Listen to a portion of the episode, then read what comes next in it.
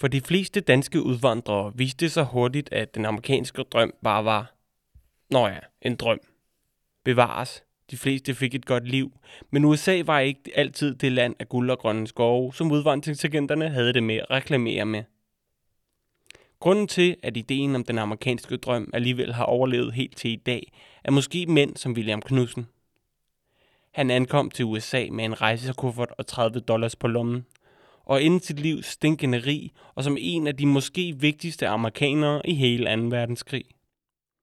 Mit navn er Nick Kofod Mogensen, jeg er svært, og det her er dem, der rejste ud.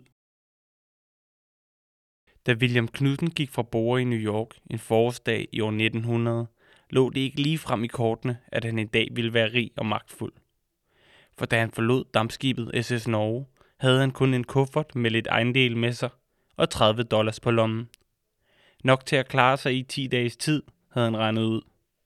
Så det skulle gå stærkt, hvis han skulle klare sig. Noget, som det også kom til at definere hans liv og karriere. Det var ikke for sjov, at amerikanerne senere kaldte ham for Speed Up King. Og William Knudsen var da heller ikke bange for at tage fat. Hans første par år i USA blev brugt som muskelmand på et skibsværft og som jernbanearbejder. Ikke ligefrem noget, der krævede store intellektuelle anstrengelser. Og måske var det derfor, at han valgte ikke at gå til sprogundervisning, da det gik op for ham, at han var nødt til at blive bedre til engelsk. Nej, han lærte det som en bare af kvarterets lejende børn. Han kunne klare sig fint med et lidt simpelt sprog, tænkte han. Men William Knudsen havde alt for store ambitioner til bare at løfte tunge ting eller slå med en stor hammer. Så da en bekendt hjemme fra Danmark spurgte, om man ikke kunne tage med på et forretningsmøde og lege tolk, tog han med hen på cykelfabrikken i Buffalo i New York, hvor mødet skulle foregå. William Knudsen havde solgt cykler i København, og driftslederen på fabrikken blev så imponeret over William Knudsens viden om cykler, at han blev tilbudt et job på stedet. William Knudsen var godt nok lidt skeptisk, for lønnen var noget lavere end ved jernbanen. Men driftslederen kunne vist se, at William Knudsen var en mand af ambitioner. Men her kan du arbejde dig op, sagde han nemlig. Og så flyttede William Knudsen til Buffalo. William Knudsen blev født i København i år 1879 og voksede op i kartoffelrækkerne. Her havde han arbejdet som cykelsmed. Eller, det sagde han i hvert fald i USA, men i virkeligheden stod han nok mere i butikken end på værkstedet.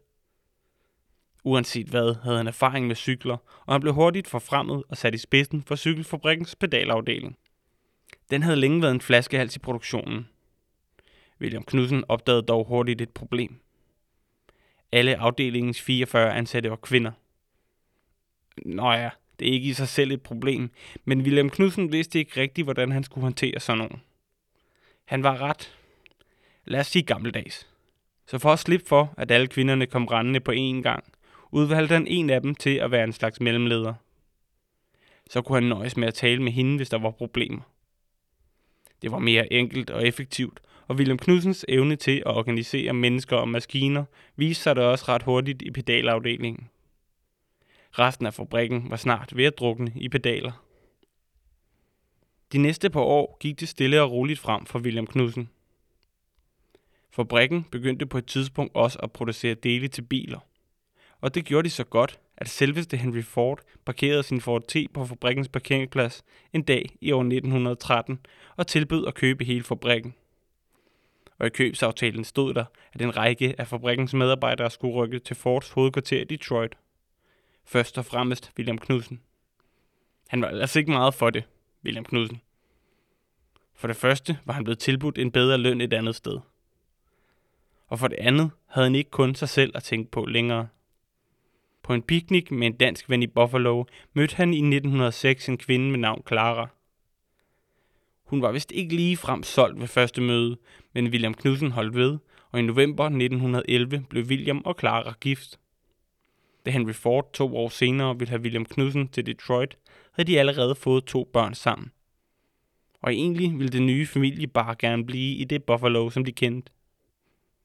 Men William Knudsen kunne åbenbart let overtales, hvis han bare havde ambitioner nok.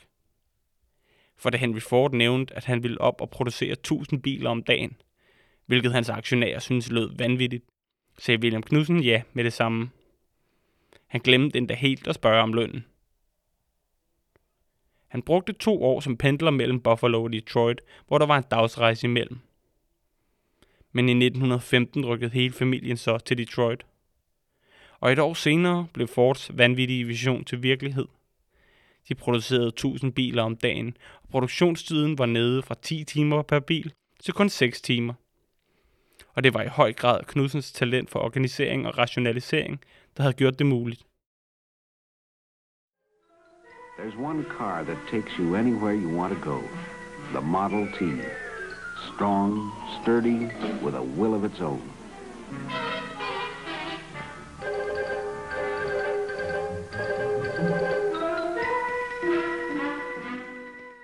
For William Knudsen gik det bedre end nogensinde før, men hjemme i Europa var det straks anderledes.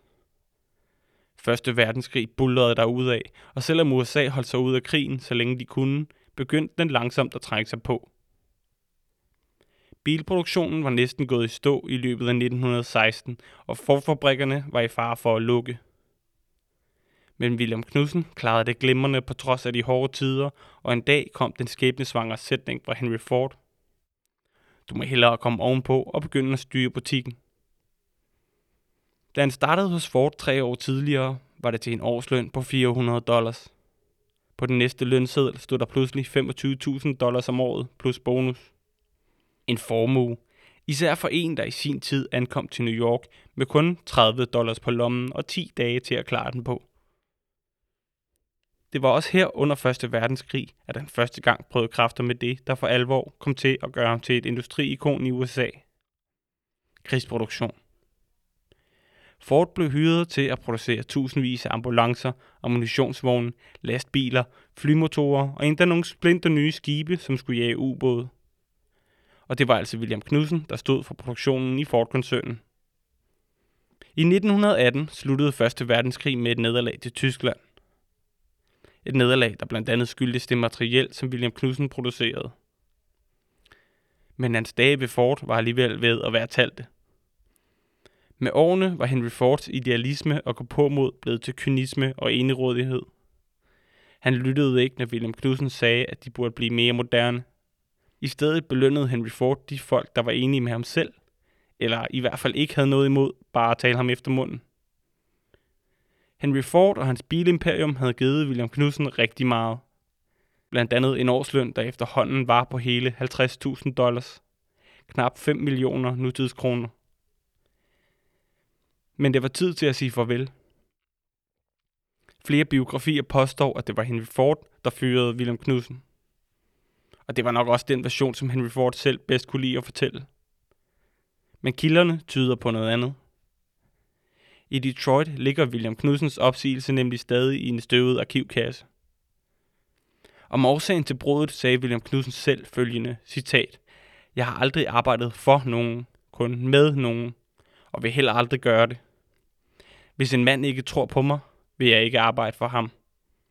Og hvis han ikke tror på det, jeg laver, skal han sige det til mig, og ikke alle mulige andre. Men det er Fords forretning, og han må køre den, som han vil. Jeg vil bare ikke være med. Citat slut. Så i april 1911 forlod William Knudsen endegyldigt Ford-koncernen. Og for første gang siden han forlod dammskibet SS Norge tilbage i år 1900, var han arbejdsløs. Han sagde op for at bevare sin selvrespekt, og før han blev for meget uvenner med Henry Ford. Og der blev det heller ikke båden af. Heller ikke hjemme hos konen Clara, som den 42-årige William Knudsen nu havde været gift med i 10 år og havde fire børn med. Da hun fik nyheden, sagde hun nemlig, citat, det var godt. Så kan vi få lidt fred herhjemme igen. Citat slut. Freden varede dog ikke særlig længe. Han blev nemlig hurtigt inviteret ind på kontoret hos en af de øverste direktører for General Motors, en af Fords helt store konkurrenter. Der blev han så ansat i februar 1922 og fik 30.000 dollars om året. Men allerede efter tre uger var han oppe på de 50.000, som han fik hos Ford. Direktøren for Chevrolet, som var et bilmærke i General Motors-familien, var sygemeldt, og William Knudsen skulle overtage den daglige drift. Han gjorde hurtigt for Chevrolet, hvad han havde gjort for både cykelfabrikken i Buffalo og for Ford. Med rationaliseringer og effektiviseringer af arbejdsprocesserne mangedoblede han produktionsstallene. Han gjorde det så godt, at han allerede den 15. januar 1924 blev forfremmet til direktør for Chevrolet samt vicedirektør for General Motors. 15. november samme år åbnede han Chevrolets første fabrik uden for USA. Fabrikken lå i Sydhavnen i det København, han var født og opvokset i, og selveste statsminister Torvald Stavning dukkede op på åbningsdagen. Fem år tidligere havde han i øvrigt åbnet en Ford-fabrik på Nørrebro. Knudsens danske bilfabrikker fortæller jeg om i en anden episode, som jeg har lavet i samarbejde med Selskabet for Arbejderhistorie. Også i USA fik de flere og flere fabrikker, og i løbet af 20'erne blev Chevrolet det mest solgte bilmærke i USA. De næste mange år dominerede Chevrolet det amerikanske bilmarked. En rolle, som William Knudsen snuppede fra Ford. 1929, Black Tuesday. The New York Stock Exchange is in a panic. Frantic investors have scrambled to unload their stocks at any price. Everyone wants to sell. No one wants to buy. Suddenly, even the most gilt-edged securities are practically valueless. Den amerikanske økonomi havde ellers bullet af i løbet af 1920'erne, blandt andet på grund af industrimænd som William Knudsen. Men den 24. oktober 1929 vendte lykken. Wall Street krakkede, aktiekurserne styrtdykkede, og da dagen var omme, havde 11 finansmænd begået selvmord. Millioner af amerikanere blev arbejdsløse. Arbejdsløse køber ikke lige så mange ting, så mange virksomheder kæmpede med at holde sig oven vandet. Mange bilfabrikanter blev særligt ramt af den store depression, som de næste 10 år blev kendt som. Men for William Knudsen var det nærmest en gave. William Knudsens Chevrolet-afdeling var den eneste i General Motors-koncernen, der gav overskud efter krakket. Pludselig var alles øjne for alvor på William Knudsen. Medierne opfangede hurtigt, at det var den perfekte amerikanske immigranthistorie. En af de historier, der kunne holde fortællingen om den amerikanske drøm i live. Måske var det de to fabrikker i København. Eller også havde den øgede medieopmærksomhed i USA bare spredt sig til Danmark. Under alle omstændigheder blev William Knudsen udnævnt til ridder af Dannebrogordenen i 1930. Ydmyg som han var, gjorde han ikke det store nummer ud af det, og den største forandring for ham var, at hans døtre nu kaldte ham for Sir William. 16. oktober 1933 tog han endnu et stort skridt opad. Han blev nemlig forfremmet til vicekoncerndirektør og produktionschef for hele General Motors. I 1937 blev William Knudsen, cykelmekanikeren fra kartoffelrækkerne, udnævnt som koncerndirektør for hele General Motors-koncernen. Han var nu 58 år gammel og chefen for det hele. Nyheden spredte sig hurtigt til Danmark, hvor mange fuldt stolte med i hans bedrifter. Den 4. juli samme år talte han over radioen til Rebilfesten i Nordjylland, den store danske fejring af den amerikanske uafhængighedsdag. Og i løbet af efteråret kom den danske konsul forbi Knudsens kontor med en medalje. Han var blevet udnævnt til kommandør af anden grad af Dannebrogsordenen. Og den nye chef var håbefuld for fremtiden. Godt nok måtte han allerede første år på pinden, mere præcist i december 1937, fyre en masse medarbejdere på grund af svigtende salg. Men han havde store forhåbninger til, at det ville vende allerede til foråret. 1938 ville blive et rigtig godt år for den amerikanske bilbranche, mente William Knudsen, og han mente i øvrigt, at frygten for en krig i Europa var overdrevet. Det kunne slet ikke svare sig økonomisk med sådan en krig, og så ville de lade være med at kæmpe den, mente han. Det er næppe nogen stor spoiler, hvis jeg allerede nu fortæller, at William Knudsen på det punkt tog roligt fejl. Tyskland oprustede sig mere og mere, hvilket åbenlyst var i strid med Versailles-traktaten, der afsluttede 1. verdenskrig, og de begyndte at handle på deres territoriale ambitioner. I november 1938 kom krystalnatten og gjorde det krystalklart, hvordan Hitlers Tyskland havde det med jøder. Det var i det her klima, at Knudsen endnu en gang tog tilbage til Europa – selvom han egentlig var blevet advaret imod det. Og bedst som han planlagde at tage videre fra Berlin til København, fik han en invitation fra Hermann Göring. Göring var en af Hitlers allernærmeste og stod blandt andet for at opruste det tyske militær. Derfor ville han naturligvis snakke med William Knudsen, mens han var i Tyskland. Opel-fabrikkerne, som var ejet af General Motors, havde nemlig spillet en vigtig rolle i oprustningen. Göring ville meget gerne have Knudsen og General Motors til at gøre endnu mere i Tyskland. Men det måtte han altså lige tage med bestyrelsen først, fik William Knudsen undskylde sig med. William Knudsen havde tidligere beundret Hitlers genopbygning af Tyskland. En beundring, han i øvrigt ikke lagde skjul på, men flere gange nævnte de taler, han var begyndt at holde flere og flere af med tiden.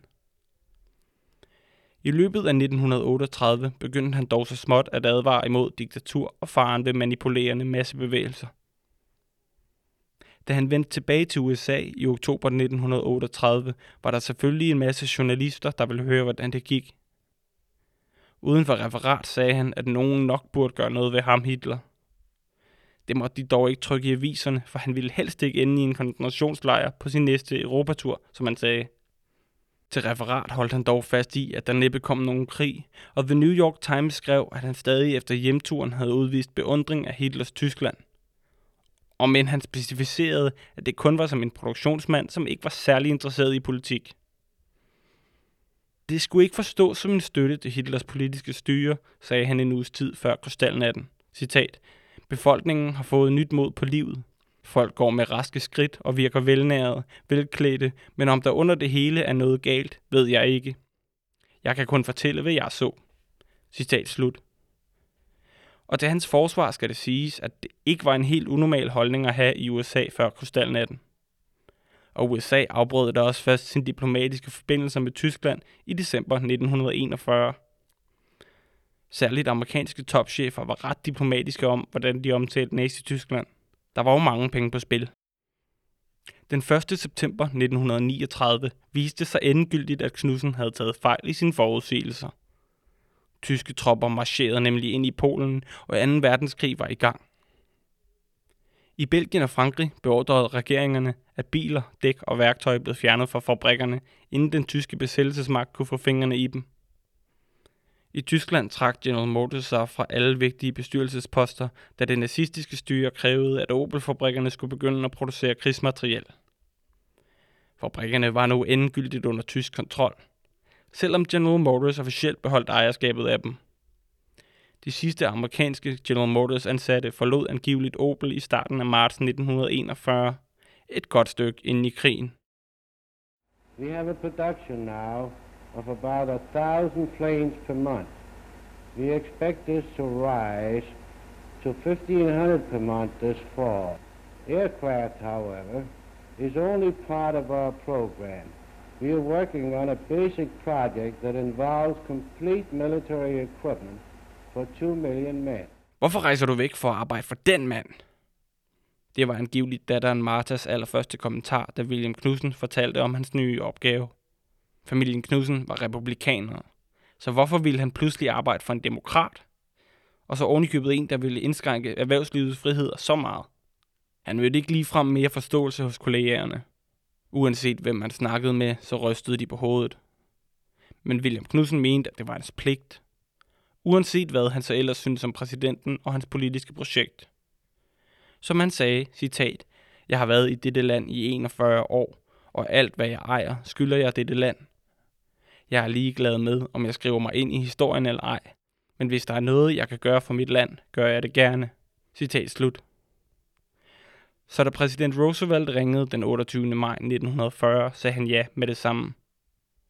Allerede samme dag fortalte Roosevelt den amerikanske offentlighed, at han havde samlet et hold konsulenter, hvis første opgave var at få produceret 50.000 fly. Noget, som de fleste mente var fuldstændig urealistisk. Da en journalist spurgte Knudsen, om han kunne gøre det, sagde han, simpelt og dramatisk, citat, Jeg kan ikke, men Amerika kan. Citat slut. I Washington blev William Knudsen sat i spidsen for at sparke krigsproduktionen i gang. Det var noget af en opgave, så de næste par år stod på lange arbejdsdage i en by, der lå langt væk fra familien. Det var i sig selv et stort offer for en mand, der i den grad var et familiemenneske. Men oven i det måtte han give afkald på sin høje løn i General Motors og acceptere en årsløn på 1 sølle dollar om året. Han sagde dog, at han skam ikke engang forventede betaling. Og han kom nok ikke lige frem til at mangle noget alligevel, afslører arkiverne. Da han blev hentet til Washington, havde han nemlig værdipapirer for, hvad der svarer til mindst 100 millioner kroner i dag. Han lærte aldrig rigtigt at passe ind i den politiske verden, som han pludselig befandt sig i. Det var for besværligt og gik alt for langsomt. Men som sædvanligt kløede han på, og produktionen gik gradvist fremad. Samtidig begyndte han at give flere og flere taler, både i radioen og til diverse begivenheder, og pressen stod ofte klar, når han ankom til en ny by. Og det var nok netop, fordi han ikke rigtig passede ind. De var fascineret af denne firskårende, bjørneagtige mand, der talte simpelt og direkte med sin underlige accent. William Knudsen fik særligt luft under vingerne, da han besluttede sig for at gå udenom alt byråkratiet og de politiske beslutningsprocesser, og i stedet tale direkte til sine venner i bilbyen Detroit. Og han fik hurtigt overtalt stort set hele Detroits bilindustris ledere til at deltage i krigsproduktionen. Det fik en del af de kritikere, han i forvejen havde i Washington, til at skrue op for retorikken. Det var bare industritoppen, der udnyttede krigen til at hælde skattekroner ned i deres egen lommer, lød anklagerne for eksempel. Og de tjente også ret mange penge, William Knudsens bilvenner. Detroits bilindustri endte med at stå for omkring en femtedel af den samlede amerikanske krigsproduktion under 2. verdenskrig. Men for William Knudsens vedkommende virkede det nu ikke som om, at det var pengene, der motiverede ham. Han havde tjent rigeligt allerede, og det var bare bilgiganterne, han mente kunne løse opgaven bedst og hurtigst. Resultaterne talte også i tydelige sprog, så han fik gradvist mere og mere opbakning og magt. Men kritikken fortsatte. Lige siden at William Knudsen startede sit arbejde i Washington, havde især fagbevægelsen og centrale New Deal-folk kritiseret og samlet skidt på ham. Han havde en historik med modstand mod fagbevægelsen og New Deals tidens krav og reguleringer, og anklagerne om nepotisme hang hele tiden over hovedet på ham. Da Japan den 7. december 1941 satte gang i det famøse overraskelsesangreb på den amerikanske flådebase Pearl Harbor, blev der sendt et chok igennem det amerikanske samfund. Og det satte selvfølgelig også gang i nogle bevægelser i de politiske kredse. Nogen begyndte at snakke om, at USA slet ikke var godt nok forberedte, og at krigsproduktionen gik alt for langsomt. Der skulle derfor findes en søndebuk. Den 13. januar 1942, kun et par timer før en planlagt radiotale, hvor William Knudsen ville forsvare sig selv og sine resultater, kom telegrammet. Han var blevet fyret, og han fik det at vide i nyhedsstrømmen, ligesom alle andre. Om aftenen fandt William Knudsens ven, Jesse Jones, ham siddende trist og opgivende derhjemme foran klaveret. Det var langt fra den energiske og handlekraftige mand, som han ellers normalt var. Han var tydeligvis knust over fyringen, og især den måde, som han blev fyret på. Men det hele viste sig vist bare at være et politisk spil for galleriet. Noget af det, han aldrig helt lært at finde sig hjemme i. Allerede tre dage senere blev han nemlig genansat af præsidenten. Han var nu produktionsdirektør i krigsministeriet med titel af generalløjtnant. Kort fortalt skulle han endnu en gang stå for at få styr på den amerikanske krigsproduktion. Denne gang slap han bare for mange af de politiske benspænd, som hans gamle stilling havde. Nu var William Knudsen nemlig 60 general. Den højst rangerende civilist nogensinde i den amerikanske hær og så var der ikke nogen bedre eller fodslæbende typer, der kunne sige ham imod. Resten af krigen brugte William Knudsen så på at sørge for, at krigsproduktionen gik så godt som muligt. Det gjorde han så godt, at han i maj 1944 fik Distinguished Service Medal, den højeste dekoration, man kunne få i den amerikanske hær, uden at være i aktiv tjeneste. Faktisk fik han den hele to gange, den anden medalje fik han lige efter krigen for det særlige arbejde for at få flyproduktionen til at flyde, som han dedikerede den sidste del af krigen på. Og da Nazi-Tyskland endelig overgav sig den 7. maj 1945, var det en træt William Knudsen, der gjorde sig klar til at vende tilbage til Detroit og pensionere sig fra Washington. Rosende ord strømmede i hans retning. I den pressemeddelelse, der meddelte, at William Knudsen gik på pension fra militæret, skrev vicekrigsminister Robert Patterson, citat, med sin forudseenhed og sine evner har han ikke kun sparet Amerika millioner af dollars, men også reddet utallige menneskeliv. Selvom han arbejdede langt fra fronten, har han derfor en stor andel i alle vores sejre. Citat slut. Den 31. maj 1945 begav William Knudsen sig mod det hvide hus en sidste gang for at sige farvel til præsidenten. Nu havde han gjort sin pligt og kunne endelig vende hjem til sin familie. The Undersecretary of War, the Honorable Robert Patterson. No record of this war would be complete without an account of the major role played by General Knudsen Although he worked far from the fighting fronts, he had his hand in all our victories. He laid the foundation upon which our entire war production program was built.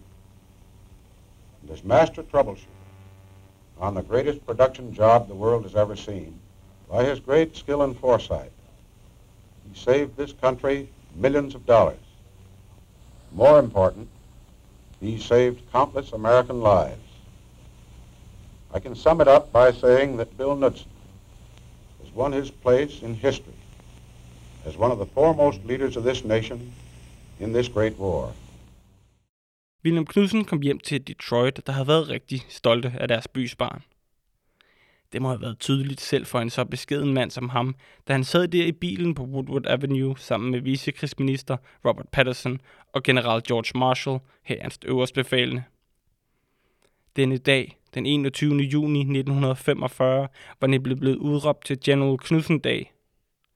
Bilen sluttede sig til den parade, der på en to kilometer lang rute skulle hylde ham. Under krigen havde mange kaldt Knudsen for Speed Up King. For overalt han kom, bad han folk om at sætte farten op i produktionen. Faktisk havde han kun én enkelt stol på sit kontor. For hvis folk var tvunget til at stå op, kom de fleste hurtigt til sagen, og han kunne komme videre med arbejdet. Men lige i dag måtte han nok finde sig i, at det gik lidt langsomt. 10.000 vis af mennesker var dukket op for at hylde ham.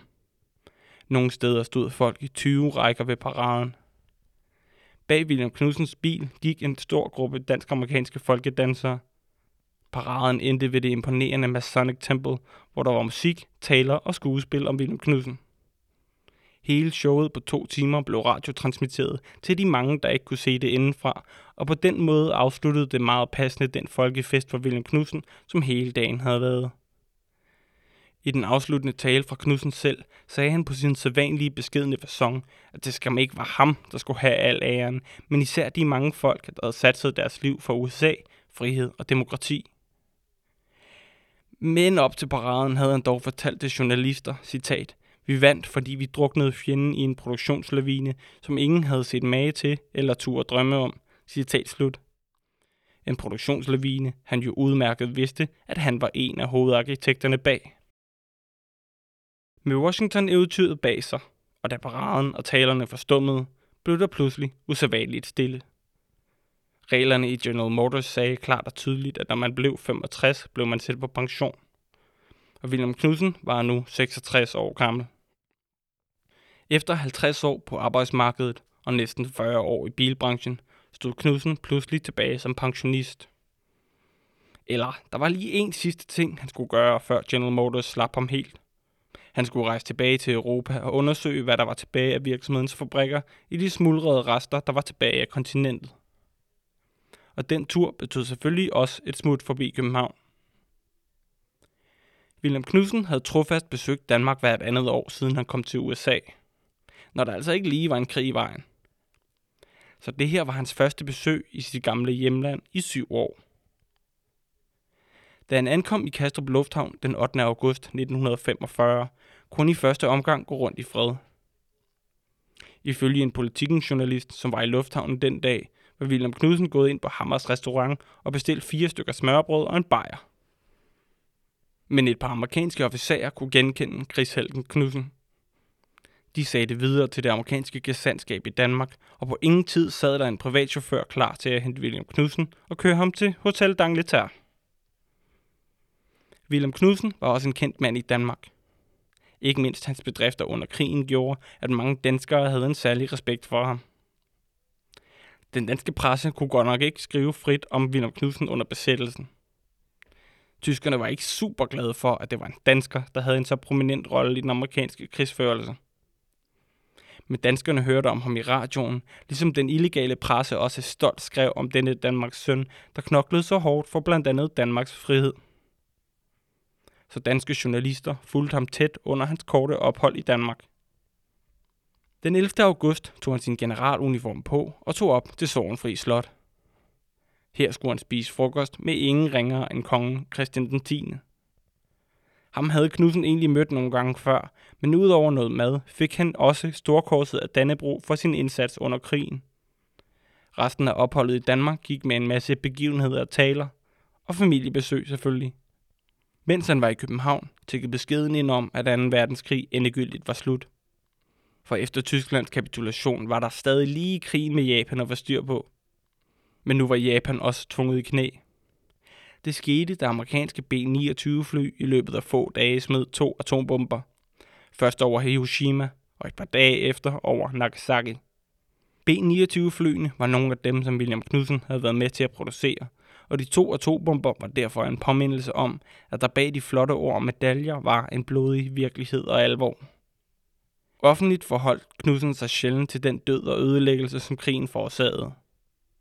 Men medlemmer af hans familie fortalte senere, at han i løbet af krigen sad og græd ved radioen for sig selv, da der blev fortalt om nye angreb og bombetogter.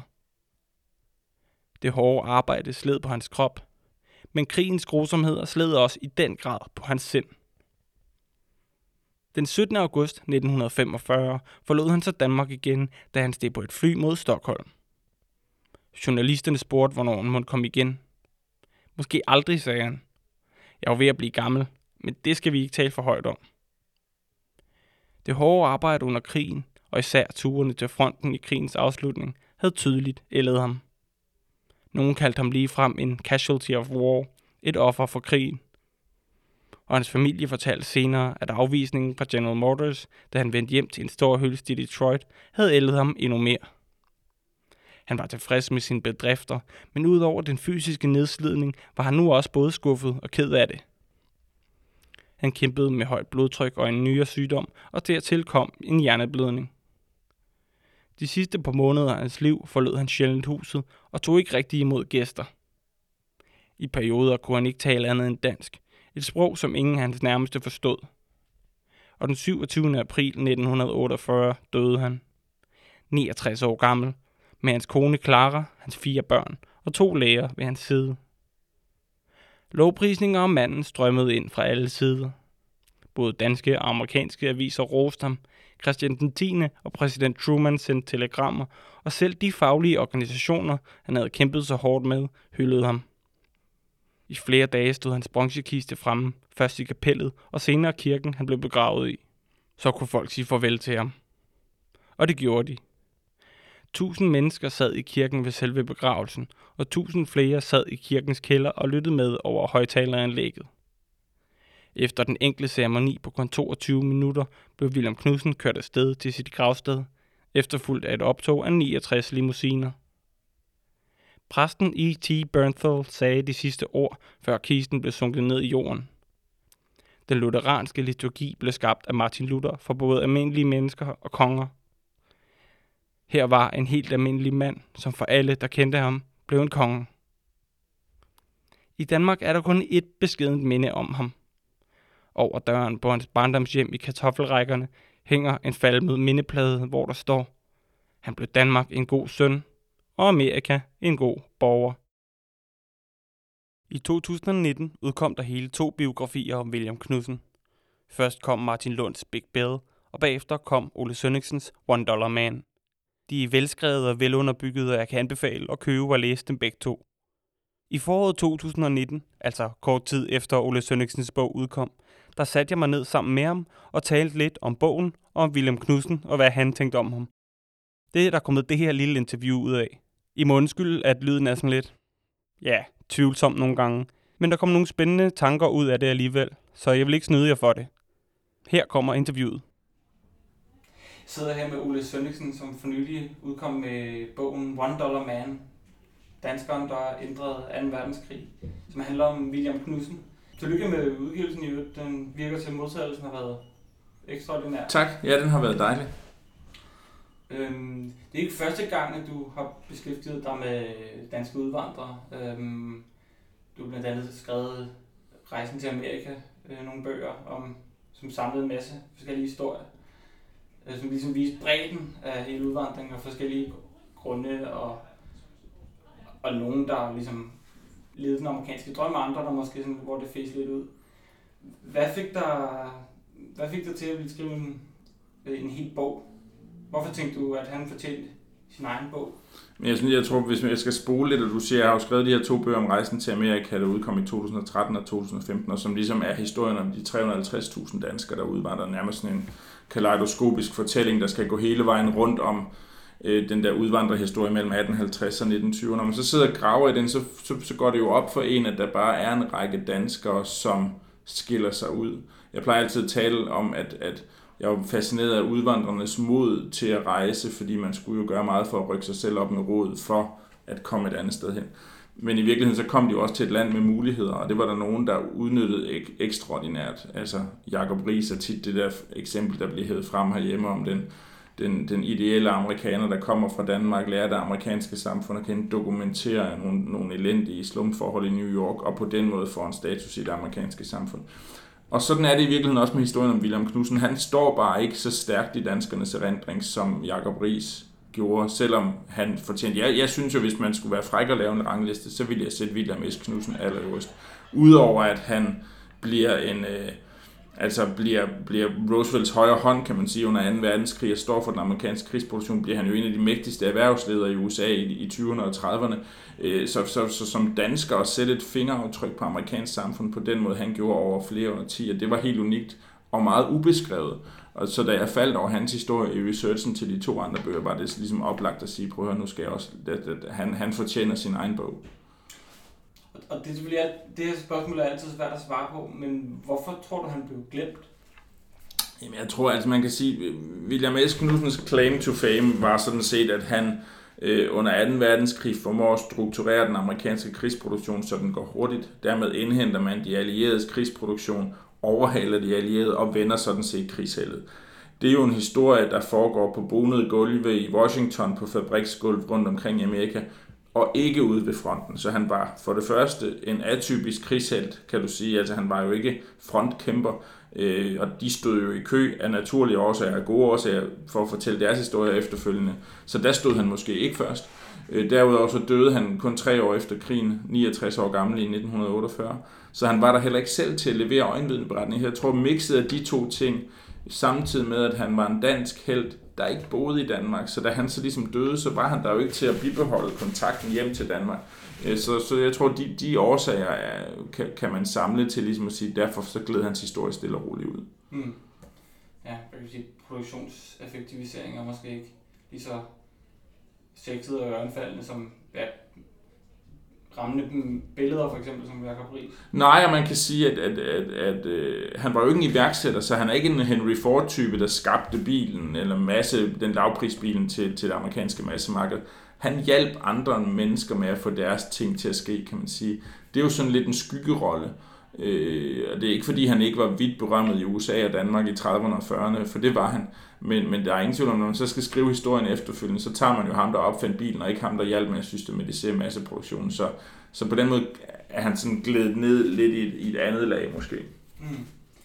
Tror du selv, han ville foretrække den øh, sådan lidt, øh, lidt mere anonyme tilværelse, fordi han bliver i hvert fald beskrevet som værende øh, ret ydmyg og tilbageholdende, og sådan lidt mere, hvad kan man sige, nede på jorden, end, end hvad kan sige, hans kolleger for eksempel i, i, i industritop.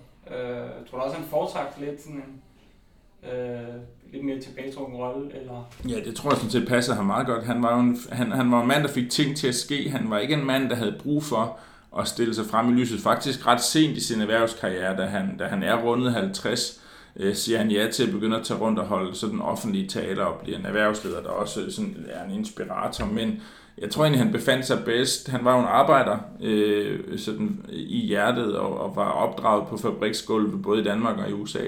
Så, så det havde han i sig, og jeg tror, der var sådan en ydmyghed over for, at den opgave, han skulle løse, behøvede ikke at foregå i det store spotlys. Han, han kunne godt finde ud af at tage spotlyset, og blev bedre og bedre til det tydeligvis. Men jeg tror egentlig, det passede meget godt til hans personlighed, at han fik lov at gå lidt under radaren. Hmm. Det har så noget at gøre med hans, hvad kan man sige, vi kalde det sproglige vanskeligheder. Fordi han siger jo selv, at han øh, troede selv, at han talte godt af engelsk, da han kom, men det fandt han hurtigt ud af, at han ikke kunne. Så frem for at gå på sprogskole, så lærte han det af, af kvarterets børn. Øhm, tror du, at det spillede ind, at han også sådan, kan sige, ligesom lige ville bevise sit værd, før at han ligesom begyndte at tale, fordi at han... Jeg tror i hvert fald, at det, at det fødte sådan et... Altså, der, jeg tror, der er to ting, der fødte et mindre værd i ham. For det første, så kommer han jo fra Danmark, 20 år gammel, med 30 dollars på lommen. Han kalder sig cykelsmed, men reelt har han ingen uddannelse. Han har en lille handelsuddannelse, men han er sådan set uden uddannelse. Så stiger han på grund af sit talent for at organisere mænd og maskiner højt i systemet, øh, og kommer til at savne at have en ingeniøruddannelse. Han overvejer faktisk øh, sådan i en ret voksen alder at uddanne sig til ingeniør, simpelthen for at få papir på det, han kan, og hvor der er nogle andre, der overtaler ham til at sige, prøv det er åndssvagt, du kan alt det, en ingeniør skal kunne. Men det sætter alligevel lidt mindre værd i ham, og han bliver ved med at tale om senere i sit liv, at han skal at, at unge mennesker så skal sørge for at få en uddannelse, det er vigtigt. Øh, samtidig, så, så det, det er ligesom det ene mindre værd, han har, det andet mindre værd lige præcis det sproglige. Altså han, han taler et simpelt, øh, Øh, meget, øh, hvis man skal tage noget nutidigt, Arnold Schwarzenegger engelsk, eller Willy Søvndal engelsk, med sådan en tydelig accent. Øh, det er meget charmerende faktisk, men, men, men er også noget, der bringer sådan lidt spot og spe. Altså da han kommer til Washington i 40 og skal gøre sig i, i byråkratiet i Washington og, og kæmpe mod embedsmænd og den slags, så er der flere, der både sådan i medierne anonymt og også på gangene i Washington i korridorerne håner ham for sproget og siger, at han er jo bare en simpel mand. Så der er ingen tvivl om, at, at sproget har, har, har holdt ham nede i en vis forstand. Mm. Der er nogle udvandrere, som lige snart de nærmest sat foden på amerikansk jord, så nægtede de at tale dansk, og så var de bare amerikanere. Men han, der var han, han, han glemte jo aldrig, kan sige, sin danske rød og besøgte vel også Europa, men også Danmark mere end de fleste udvandrere gjorde. Hvad betød danskhed altså for ham? Var det noget, som han, altså, tror du, det er noget, som påvirket ham, enten han, altså, måde at være på, eller måde at jeg tror i hvert fald, at han havde sådan en, han havde, han havde det, han kaldte den gamle verden med sig, ikke? Altså han, han, og han, han kunne godt lide øh, mange af de værdier, Skandinavien stod for allerede dengang. Øh, så der, der er ingen tvivl om, som du siger, han glemte, han glemte aldrig Danmark. Han var hjemme cirka hver andet år, når der ikke var verdenskrig, altså mellem 14 og 18 og igen 40 45, så var han faktisk hjemme i Danmark hver andet år hvilket er helt usædvanligt for en udvandrer. Altså de fleste udvandrere kom jo aldrig hjem igen, og dem der gjorde, kom måske hjem en eller to gange for at show off, at de havde klaret sig i Amerika. Han, han var jo sådan nærmest en på fast visit i Danmark, og, og på den måde, da han blev berømt i USA, blev han jo også berømt øh, i Danmark. Han taler meget om Danmark i sine taler. Altså han har sådan et bånd hjem til, hvad han lærte i Danmark, og de værdier, der var i Danmark, og det fællesskab, der var i Danmark. Og da krigen så kommer, og Danmark bliver besat, så tænder det også en ild i ham, at, at vide, at hans gamle land er besat, og at Hitler på den måde har, har knægtet friheden i Danmark. Øh, så, så, så det giver ham ekstra sådan kampgejst, kan man se i hans taler, han holder på det tidspunkt. Så, så der er ingen tvivl om, at, at forbindelsen hjem til og båndet til Danmark øh, var der helt til det sidste. Mm. Så Danmarks besættelse var også med til at motivere ham til det arbejde, han lavede for den amerikanske krigsindsats? Ja, det er der ingen tvivl om, altså, at, at, at modstandsbevægelsen øh, i Danmark betragtede ham jo også som en af deres egne. Altså, han var en, der blev beskrevet i de illegale blade. Tyskerne var jo ikke vilde med historien om ham øh, af gode grunde, men, men modstandsbevægelsen kunne godt lide ham, for de havde ham ligesom på deres side, kan man sige. Ikke? Og, og der var også samtidig satiretegninger i, i amerikanske medier, der ligesom afbilder danskerne går op til tyskere på gaden i Danmark og siger, ham Knudsen derovre i Amerika, han er en af vores. Det skal I bare vide, når I står her. Altså, så, så det blev brugt og spillet på det der med, at han, at han kom fra at han kom fra Europa og fra Danmark. Mm. Lige så snart, at nyheden om den tyske besættelse kom til USA, så var der et, en række andre danske amerikanere, som straks gik i gang med at, at, at prøve at finde ud af, hvordan de kunne hjælpe Danmark. Det er både med at samle nødhjælp ind til, øh, hvis de kunne få det afsted, men også lidt prøve at lobby øh, øh, til at USA ligesom huskede Danmark, når de forhåbentlig en, engang vandt krig. Øh, for det gav måske ikke sig selv, at, at Danmark skulle huskes og skulle på de allierede side, når de ligesom officielt samarbejdede. Og sådan noget. Var det noget, som han, han aktivt, var det en kamp, han ligesom var med i også? Eller? Det er ikke noget, man finder i hans arkiver, men, men, men det var han i en vis forstand. Altså man kan sige, Øh, jeg tror, han har nok at gøre med at, at stå for den amerikanske krigsproduktion, hvis man sådan skal være sådan, ved, helt kortfattet i den, i den forstand. Og der, I den forstand hjalp han jo Danmark ved, at de allierede fik noget at gøre noget med mod tyskerne. Men jeg tror, at hans betydning for de dansk-amerikanske relationer skal man ikke undervurdere. Bedst set i nogle dokumenter, jeg fandt hos Roosevelt, i Roosevelts arkiv i oktober sidste år, og som spiller en rolle meget sent i bogen. Da, da krigen er ved at være slut, og man godt ved, hvilken vej det går nu, du kun spørgsmål om måneder. Der lever Roosevelt jo endnu, han dør jo inden krigen slutter, men han lever endnu, og hans folk henvender sig til Knudsen og siger, at vi vil gerne have dig hjem til Danmark og være ambassadør. Øh, og du fra Danmark kan du hjælpe med at genopbygge Europa. Det er jo den, en enorm tillid for det første, men viser jo også, hvilken vej pilen peger, kan du sige, det Danmark skal være en del af den allierede gruppe her. Det, Knudsen, at det kunne ellers have været en fantastisk sløjfe på eventyret. Knudsen siger desværre nej. Mm. Øh, han er træt, slidt op, og Roosevelt opgiver ikke. Han prøver faktisk en gang mere. Sender et nyt brev og spørger, om han ikke skal øh, nok vil øh, påtage sig rollen. Så, så ligesom så mange af sine andre roller, han spiller, hvor han gør ting indirekte på en måde, så gør han det også her. Mm. Altså, så han spiller en rolle, men det er sådan underspillet. Han føler, han, han føler sig vel heller ikke nødvendigvis helt naturligt hjemme på den politiske bane der. Der var i hvert fald mange, som, som stillede lidt undrende spørgsmål, når han fortalte, hvad, hvad han skulle hen og lave i Washington. Ikke? Jamen, der er ingen tvivl om, at han, han, han, hans politiske tæft var ikke til stede. Altså, han forstod sig ikke på det og interesserede sig ikke for det, fordi han ville bare have ting til at ske. Øh, så, så, så jeg tror ikke, altså det at, at skulle prøve at spille det op i East, vi slet ikke have faldet ham naturligt. Hmm. Havde han i forhold til hvad kan vi sige, det dansk-amerikanske miljø, generelt immigranter, de andre immigranter eller deres foreninger?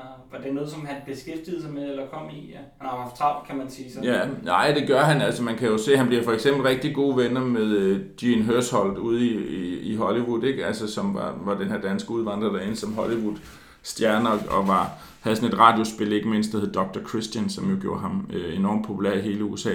Så han havde nogle bånd øh, til, sådan, til det der dansk-amerikanske samfund. Man kan også se tidligt i Buffalo og også i New York faktisk, plejer han også omgang og opsøger de andre danskere. Men det er klart, at med årene glider det, øh, glider det nok en anelse mere ud, fordi han får så travlt med så mange andre ting. Men han har, der er nogle bånd til nogle, til nogle andre danske amerikanere, som, som alligevel er bundet tæt. Mm da krigen øh, sluttede, og han så skulle hjem til Detroit igen, hvor at han havde stor del af sit liv, så fik han ret hurtigt at vide, at han skulle til at gå på pension, øh, på grund af øh, rimelig rigide regler. Det er mit indtryk, det var en fyring. Og han havde altså, nærmest bogstaveligt talt arbejdet i, i, i alle sine vågne timer, siden han ankom til USA. Hvordan øh, påvirkede det ham, tror du? Altså han taler aldrig selv officielt om det, men familien påpeger jo ligesom, at at det slog ham ud, at han blev meget skuffet over, at han, altså sagen er jo, at, at da han kommer til Washington i 1940, er det sådan set på overlov fra, fra rollen som øverste direktør for General Motors, øh, USA's største bilkoncern. Den overlov udløber så undervejs, og faktisk stopper han, men alligevel er der jo et bånd og en forventning om, han skal vende tilbage. De siger, som du er fyldt 65, så derfor er du faldet for vores øh, firmaregler, du skal ikke tilbage. Øh, han får en bestyrelsespost dog, så de smider ham ikke på gaden på den måde, men men familien siger, at det slog ham ud. Jeg tror, det er en af forklaringerne. Altså, han var bare træt. Han, var, han, han var jo fyldt 65. Han var, øh, han, var en, han var en ældre herre, der havde øh, fløjet 400.000 km under 2. verdenskrig, møg i flyvemaskiner og mistet hørelsen på i hvert fald det ene øre. Og, altså, han, han, jeg tror, der er mange faktorer, der er skyld i, at han, han kun lever ganske kort efter krigen. Mm. Hvis vi skal være lidt kontrafaktiske, det skal man selvfølgelig altid passe på med. Hvis vi leger med tanken om, at han var blevet tilbage i Danmark, tror du så bare, at øh, han var gået ned i historien som en cykelsmed. Eller, eller havde han ligesom arbejdet sig op, fordi at, altså, en, en del af sige, fortællingen, en standardfortælling er jo, at man kunne tage til USA, og så hvis man bare ville det nok, så kunne man arbejde sig op. Jeg tror, at jeg, jeg, altså, jeg, jeg, jeg tænker, at han skulle nok have klaret sig rigtig godt i Danmark. Talent fornægter sig jo ikke, hverken i Danmark eller i USA. Spørgsmålet er, om man havde været lige så åben over for de muligheder, der var på det tidspunkt i USA. Altså det, det, det slagkraftige iværksætteri, det der boom, der kommer i Detroit, da man bare vil bilen, og den skal ud til alle amerikanere. Det miljø var der jo ikke i Danmark på helt samme måde.